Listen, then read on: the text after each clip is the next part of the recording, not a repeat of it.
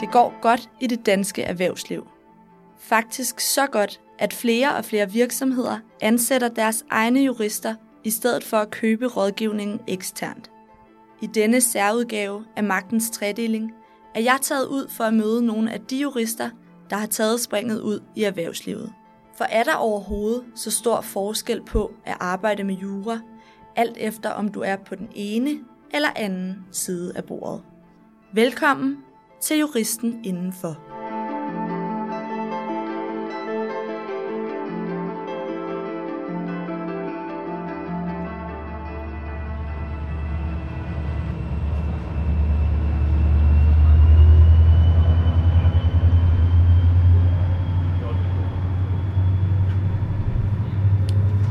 Jeg står på Højtostrup station, hvor jeg om lidt skal mødes med Heike Milling Thyssen, som er chef for jura hos DSB.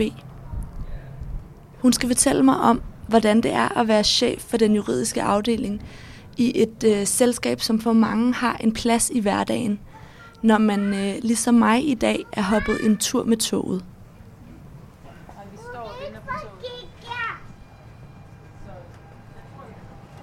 Kl. 12.56 kører fra spor 3 om cirka 6 minutter.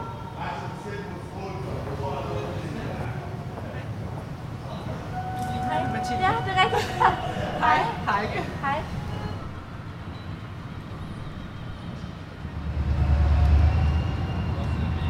Heike, vi står her på, øh, eller sidder på Højtostrup station på en bænk, fordi du er chef for jura hos DSB. Øhm, hvor mange jurister har I ansat hos øh, DSB? Altså i min afdeling, som er den koncernjuridiske afdeling, der er, øh, eller jeg har 11 medarbejdere, og der er det 8 jurister. Så er en skadebehandler, sådan en form for paralegal, og så øh, en student og en administrativ medarbejder. Der sidder også nogle jurister andre steder i øh, DSB. Blandt andet har vi Fremtidens Tog, som er et selvstændigt projekt, og de har øh, fire jurister ansat. Der er meget omkring udbudsret og kontrakter, de sidder med. Hvor længe har du været hos DSB? Jeg har været hos DSB i øh, snart 6 år, og startede som øh, medarbejder i afdelingen, og så efter et par år blev jeg chef for afdelingen. Hvordan har din vej til DSB været? Øh, det er tilfældigheder, der har præget min øh, karriere faktisk lige siden jeg blev færdig øh, med jurastudiet. Og har været rundt omkring både i en arbejdsgiverorganisation, mange år i advokatbranchen, og så har jeg også været in-house jurist. Så havde jeg et par år, hvor jeg slet ikke beskæftigede mig med jura, fordi jeg skulle prøve, hvordan det var at være i, forretning, og lidt mere strategisk sigte. Og så fik jeg alligevel lyst til at beskæftige mig med paragrafer igen, og så, ja, så var det tilfældet, der ville, at det blev DSB. Og nu sidder vi, som jeg også sagde før, på Højtostrup station med tog, der kører forbi os. Og, og når man hører DSB, så tænker man jo nok på, øh, på når man tager toget for eksempel. Men, øh, men hvor finder man juraen henne? Man finder juraen over det hele. Øhm, DSB er jo sådan lidt en, en serie i en størrelse, det hedder egentlig en selvstændig offentlig virksomhed, forkortet SOV. Og det betyder i princippet, at vi er øh, underlagt selskabslovens regler øh, med nogle få modifikationer.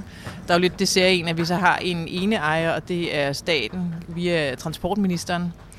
Øhm, så vi har et helt særligt øh, regelsæt også. Vi er, omfattet af DSB-loven. Øhm, der står blandt andet, at vi skal drive forretningsmæssigt, og hvilket er også det, der bringer os naturligt over i, i selskabsloven, de, de rammer, der ligger der. Øhm, og så er vi helt generelt øh, omfattet af rigtig, rigtig meget lovgivning. Vi skal både jagtage øh, udbudsretten øh, som offentlig virksomhed, der er konkurrenceret, der er statsstøtteret, fordi at øh, vi får et betragteligt øh, tilskud fra staten, øh, for at vi kan drive public service virksomhed, som det hedder, eller offentlig forsyningsvirksomhed. Øh, og så er der en masse særregulering i øvrigt på jernbaneområdet. Du nævner DSB-loven. Kan du prøve lige kort at beskrive, hvad den går ud på?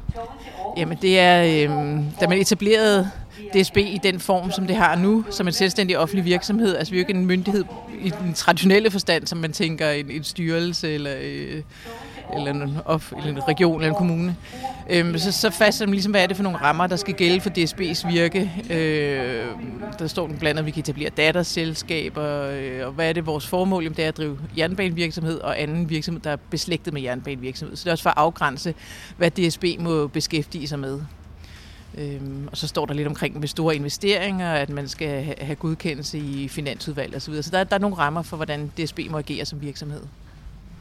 Som, øh, som chef for jura hos DSB, hvilke arbejdsopgaver sidder du så med? Nu nævner, nu nævner du nogle af de her overordnede ting, I beskæftiger med i den juridiske afdeling, men hvilke opgaver sidder du med? Jamen, som chef for den juridiske afdeling, så har jeg dels et personaleansvar, øh, og det afføder jo en type opgaver. Øh, jeg holder øh, løbende samtaler med mine medarbejdere, og meget af det er jo en faglig sparring eller en coaching, og i forhold til, om vi bevæger os i den rigtige retning. Jeg har har rigtig dygtige medarbejdere, som er højt kvalificerede og har mange år på banen som jurister. Så, så det er i virkeligheden mere, at vi drøfter øh, også lidt det strategiske og, og retningen i det, vi, vi laver. Øhm, men selvfølgelig også, øh, der kan være alle mulige andre forhold øh, i relation til, til ansatte. Øhm, så deltager jeg i forskellige øh, styregrupper i, i større projekter, altså blandt andet omkring øh, køb af fremtidens tog, det nye togmateriel, som skal erstatte de tog, vi kører rundt med i dag, øhm, som jo dels er meget forskellige artet og egentlig også relativt gamle. Øhm, så, så der indgår jeg også i, i en styregruppe omkring det her projekt. Øhm, så er der selvfølgelig forskellige øh, chefmøder ledermøder, jeg deltager i. Øh, så en stor del af min hverdag øh, er præget af møder af alle mulige forskellige øh, karakterer. Og ikke så meget konkret sagsbehandling længere jo. Jamen, I vores afdeling der løser vi rigtig mange forskellige typer af opgaver. Øh, Dels så øh, skal vi til at skifte hele øh, flåden af vores tog ud øh, med nyt materiel, og det betyder, at vi har noget gammelt materiel, nogle af de nuværende tog, der skal sælges. Øh, så der er en masse kontraktsarbejde relateret til det. Noget andet er signalprogrammet, som jo også fylder rigtig meget i medierne, og det er jo et kæmpe arbejde, som både involverer signaler langs jernbanen, men det kræver også, at der bliver indbygget en masse nyt udstyr i vores togsæt.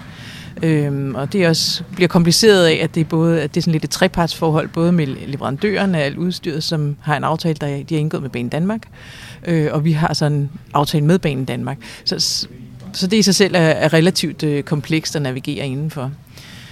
Så på den kommercielle side øh, er der også en masse forskellige artede opgaver, både omkring øh, nye billetprodukter, øh, finde ud af, hvordan kan vi skrue det sammen på en fornuftig måde. Øh, der kan være alt lige fra indkøb af installation af vandautomater, det kræver jo også en kontrakt.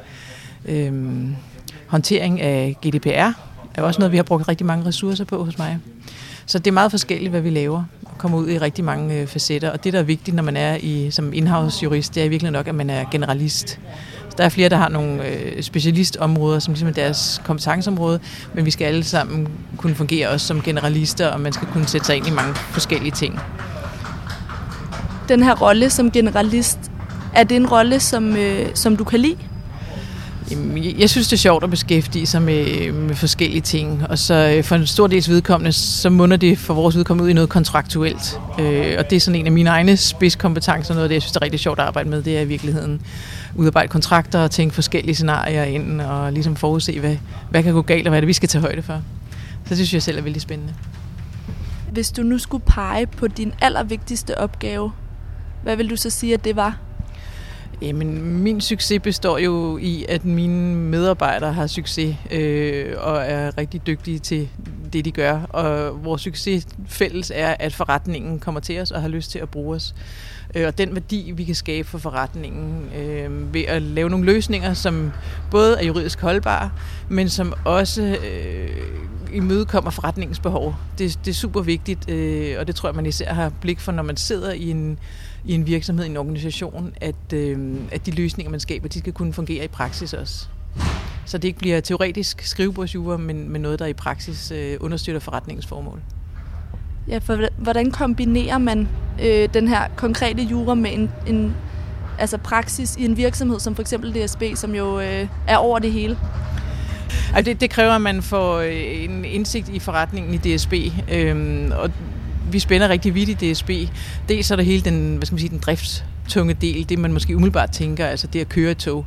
Der er rigtig meget om, omkring, det er meget, der skal reguleres. Det er for eksempel, øh, at vi har har aftale med, med Banen Danmark om, at vi må køre på deres skinner. Øh, det kan være en aftale, øh, ja, så har vi hele aftalen med staten om, at vi overhovedet udfører togdriften, og, og hvilke, hvilke vilkår, der skal gælde for det. Øh, men det er også hele vores, øh, den kundevendte side, Øhm, det vi kalder kommersiel hos os. Øhm, og det er jo alt omkring øh, prissætning af billetter, men det er også, øh, hvad er det for nogle, ja, hele tiden, hvilke billettilbud der skal være, og hvad er det for nogle andre ydelser, kunderne skal kunne få. For eksempel har der lige været meget omkring en, øh, wifi i tog. Det skal være nemmere, at du kan sidde og arbejde, eller læse en bog, eller se film, eller hvad du gør i toget på din rejse. Øhm, det er super vigtigt for os. Det er også med til at tiltrække og fastholde kunderne. Øhm, så der er rigtig meget kontraktuelt arbejde omkring det her. Øh, og den bedste måde at få indsigten og forståelsen, det er jo ved at indgå i organisationen og, og gennem de opgaver, man har, så får man det indblik, fordi det er nødvendigt, at man er helt tæt på og virkelig forstår, hvad er det, vi skal opnå. Hvordan kommer du så helt tæt på, altså for at forstå virksomheden for eksempel? Jamen det er meget gennem sparringen med øh, de kolleger, der sidder i forretningen, og simpelthen forstå, hvad er det, de gør, øh, eller hvad er, det, hvad er det for nogle mål, de jagter, og, og hvordan er deres hverdag dybest set også. Og så gør vi det en gang imellem, øh, også for man fornemmer, at man er en togvirksomhed. Vi sidder en administration i Telegade i Høje Tostrup, men DSB har jo rigtig mange øh, både kontor, men også værksteder rundt omkring. Øh, så vi er en gang ude på værkstedet for at se, hvordan fungerer det egentlig derude. Hvilke udfordringer står I så overfor i øh, DSB's juridiske afdeling? Øhm, jamen, en, en af udfordringerne, det er, at opgaverne lidt ændrer karakter. Der, lige, lige nu er der rigtig meget, som involverer IT, øh, IT-løsninger, øh, og dermed at man også har noget kendskab til IT-juren og hvordan man bygger en IT-kontrakt op. Øh, og det, det er en, en udvikling, jeg kunne se, der er sket rigtig meget i løbet af de sidste par år. Øhm, så det er jo noget med at følge med på kompetencesiden. Øhm, og det er ikke nødvendigvis en kompetence, vi har så meget helt lige aktuelt in-house. Så det er jo noget med, at vi skal få opbygget den kompetence. Det kan jo godt være svært så at følge helt med forretningens behov. Øh, men det arbejder vi løbende på. Er det så en opgave, I lige pt. deler ud? Eller hvordan? Altså vi... Øh, jeg går ud for, du spørger ind, som vi anvender ekstern advokatbistand. Og det gør vi i det omfang, det er relevant. For eksempel på øh, store øh, kontrakter. Øh, vi har et IT-outsourcing-udbud, hvor vi benyttede øh, ekstern advokatbistand, og derfor sige, at den kompetence, specielle kompetence, har vi ikke in-house. Hvis vi har retssager, dem har vi heldigvis meget få af, men øh, så går vi også til ekstern advokat. Og så nogle gange er der jo også nogle øh, mere sådan politisk drevne hensyn, eller nogle forskellige årsager, som gør, at øh, det er en god idé at have en ekstern advokat til at være med til at ligesom, blåstemple den løsning, man måske selv har fundet. Har I IT-advokater ansat hos jer? Øh, jeg har ikke nogen blive PT, der øh, er de sted IT-advokater. Øh, men fordi vi har så mange opgaver, der har et afsæt i IT, så er vi efterhånden ved at få opbygget stille og roligt en kompetence in-house. Hvorfor er det interessant for dig som jurist at arbejde et sted som øh, DSB? Det er rigtig spændende, fordi vi har en, øh, en meget høj kompleksitet og den øh, høje kompleksitet, den kommer af, at at vi er, øh, eller skal navigere inden for et, øh, et område, som er så reguleret. Altså, der er så mange hensyn, der spiller ind, øh, som jeg nævnte tidligere, både særlovgivning, øh, DSB-lov, der er afgrænsning i forhold til, hvad vi må beskæftige os med, altså hvad der ligger inden for vores formål. Der er udbud, statslige statsstøtte konkurrencer. Der er så mange elementer, man skal tænke ind hele tiden. Og så øh, ud over det er der jo også øh, lidt politisk indimellem, som kommer og spiller ind, og som sætter en retning, som øh, ja, hvor vi skal få det hele til at gå op i en højere enhed, for at kunne imødekomme den retning, der bliver sat. Så kompleksiteten er øh, rigtig, rigtig høj. Du nævnte til at starte med, at du blandt andet også har været øh, på et advokatkontor.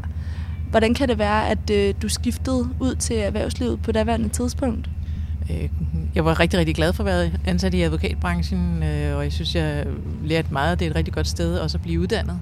Øhm, da jeg valgte at skifte, så var det primært drevet af, at jeg havde øh, små børn på det tidspunkt, og øh, hverdagen i advokatbranchen er temmelig uforudsigelig.